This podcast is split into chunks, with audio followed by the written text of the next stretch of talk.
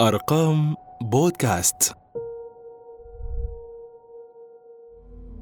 إيلون ماسك جهاز حاسوب ابتاعه له والده بعمر عشر سنوات واهتمامه بالتكنولوجيا كان السبب الأول لصفقة تجارية له بقدر 500 دولار وانطلاقه إلى ثروة تقدر حالياً بنحو 4.7 من عشر مليار دولار كيف تمت إطاحته من منصب رئيس مجلس إدارة شركة تسلا. أثار موجة هائلة من الغضب بسبب تغريدة واحدة وفكر بالصعود للكوكب الأحمر بلا عودة. هل سيتمكن من الذهاب للمريخ؟ والمزيد في حلقة إيلون ماسك.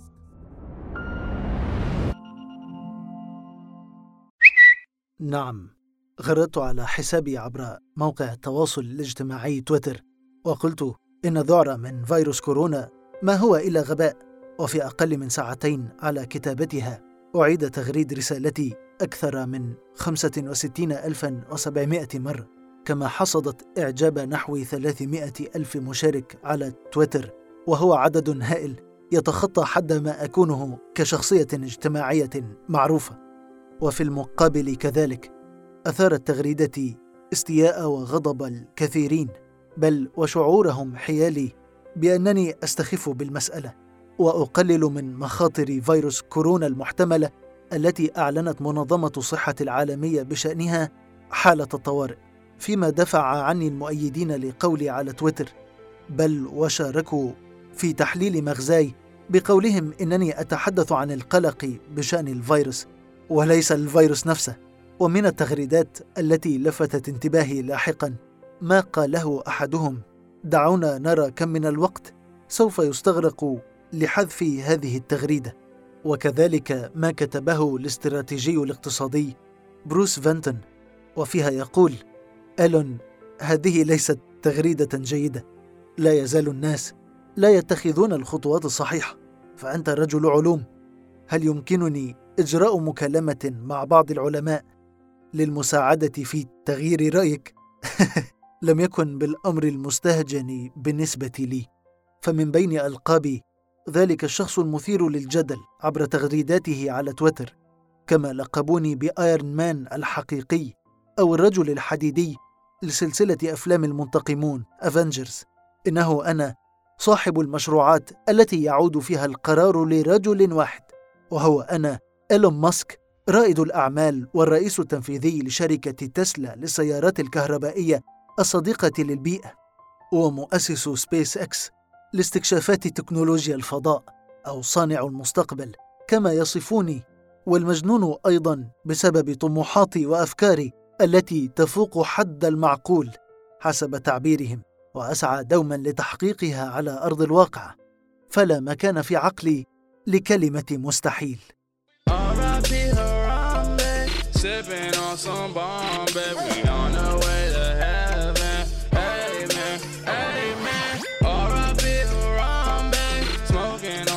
Strong, yeah. And gorillas too, and we thinking about you. نعم اشتقت لها كثيرا فقد أصدرت لها مؤخرا أولى مقطوعات الموسيقية على نغمات الراب والمعروفة باسم RIP Harambe وذلك تكريما لغوريلا حديقة حيوان سنسناتي التي تم التخلص منها بعد قتلها في 2016 حين صعد أحد الأطفال إليها متخطيا سياج قفصها.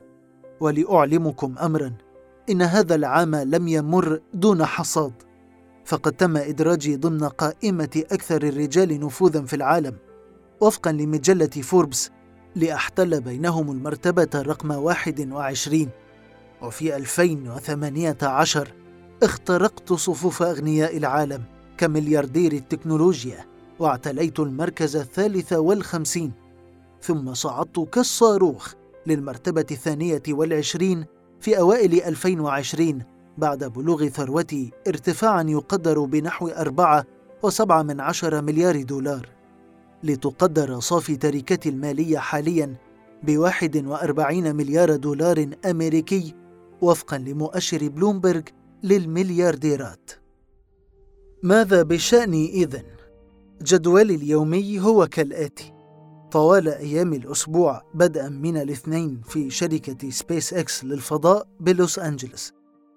ثم التوجه لمقر تسلا موتورز في بالو ألتو بكاليفورنيا ومصنعها بمدينة فريمونت إلى أن ينتهي بالمطاف إما بفندق أو منزل لأحد أصدقائي أو أريكة الاجتماعات لقضاء ما تبقى من ساعات في يوم طويل.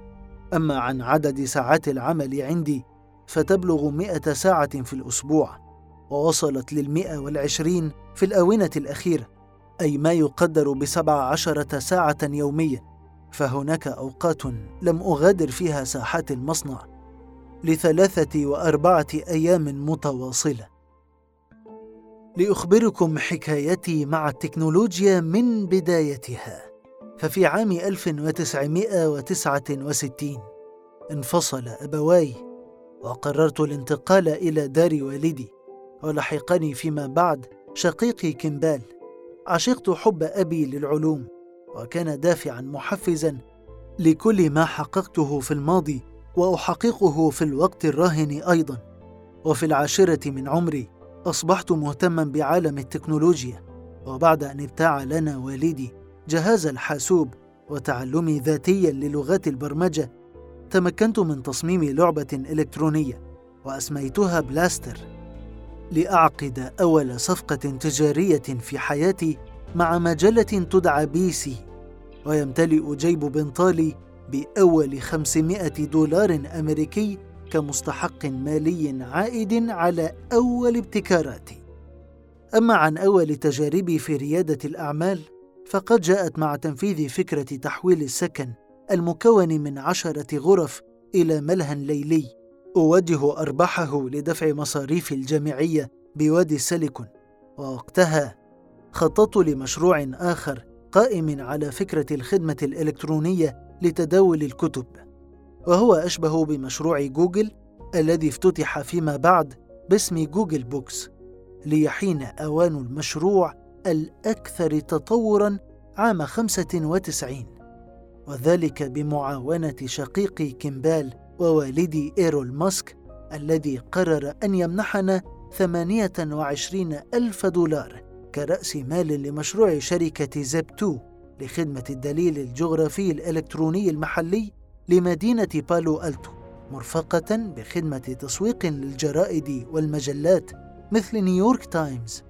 لتأتي الانطلاقة الأكبر بعد بيع 2 في عمرها الرابع من حيث التأسيس بمبلغ يفوق 300 مليون دولار نقديا و34 مليون دولار على شكل أسهم فأصبح مليونيرا بعمر العشرينيات. ظل تركيزي منصبا على الخدمات المقدمة على شبكة الإنترنت لتتوالى مشروعاتي بين شركات تداول الأموال والتي عرفت ب X.com و PayPal لاحقا وبفضل استحواذي على العدد الأكبر من الأسهم في تلك الشركة.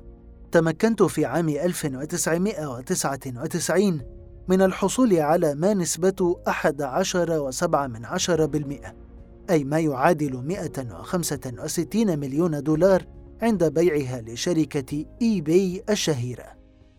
بحلول العام 2002 فررت إلى لوس أنجلوس وحينها ظهرت أولى طفرات عقل التكنولوجية وأنفقت على مشروعي الثالث وأحد أكبر أحلامي المستقبلية مبلغا ماليا يقدر بمئة مليون دولار لتفعيل خطواتي نحو تأسيس سبيس أكس الشركة المتخصصة في تكنولوجيا استكشاف الفضاء وإنشاء مقرها بمدينة هاوثورن فوق مساحة تقدر بحوالي 51 ألف متر.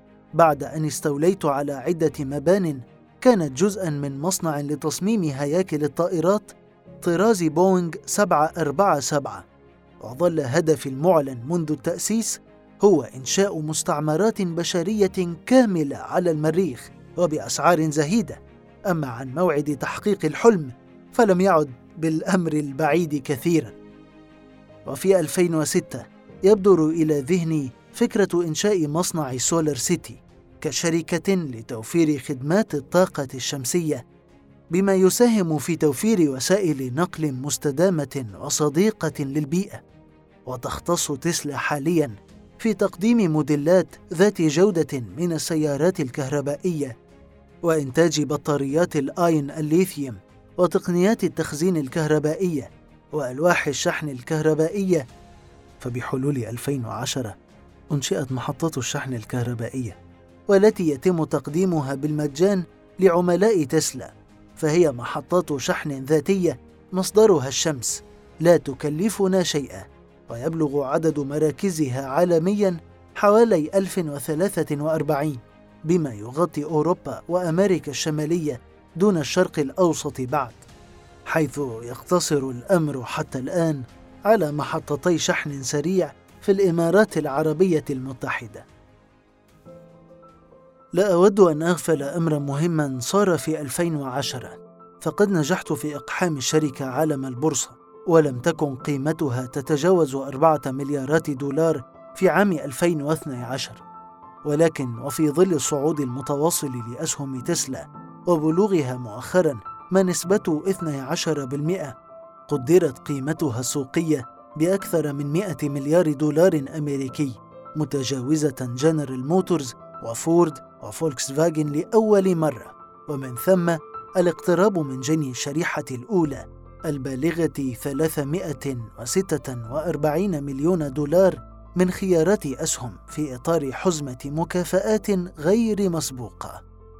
آه، تسلا شهدت معي الكثير من التقلبات في تعاملات البورصة، وذلك في ضوء عدد من تغريداتي على تويتر الذي يتابعني من خلاله أكثر من 30 مليون مشترك، ومن أبرزها التغريدة التي أعلنت فيها عن امتلاك التمويل الكافي لشراء الشركة مقابل 420 دولارا للسهم وتحويلها لشركة خاصة.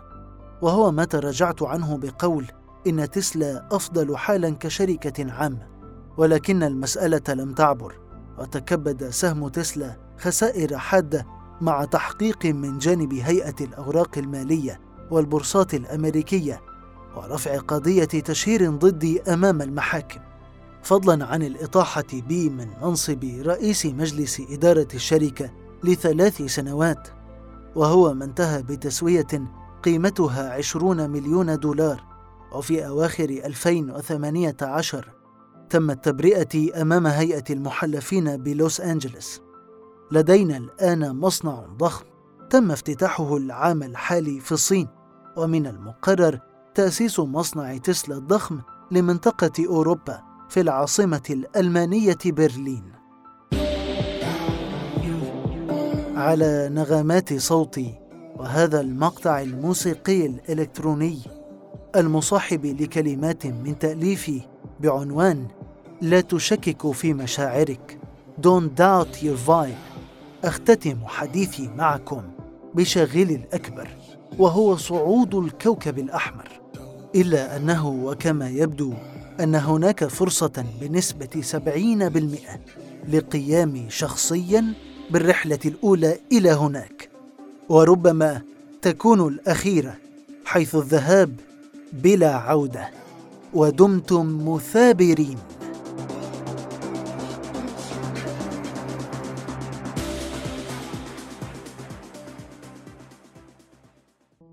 بودكاست قصة نجاحي من أرقام بودكاست.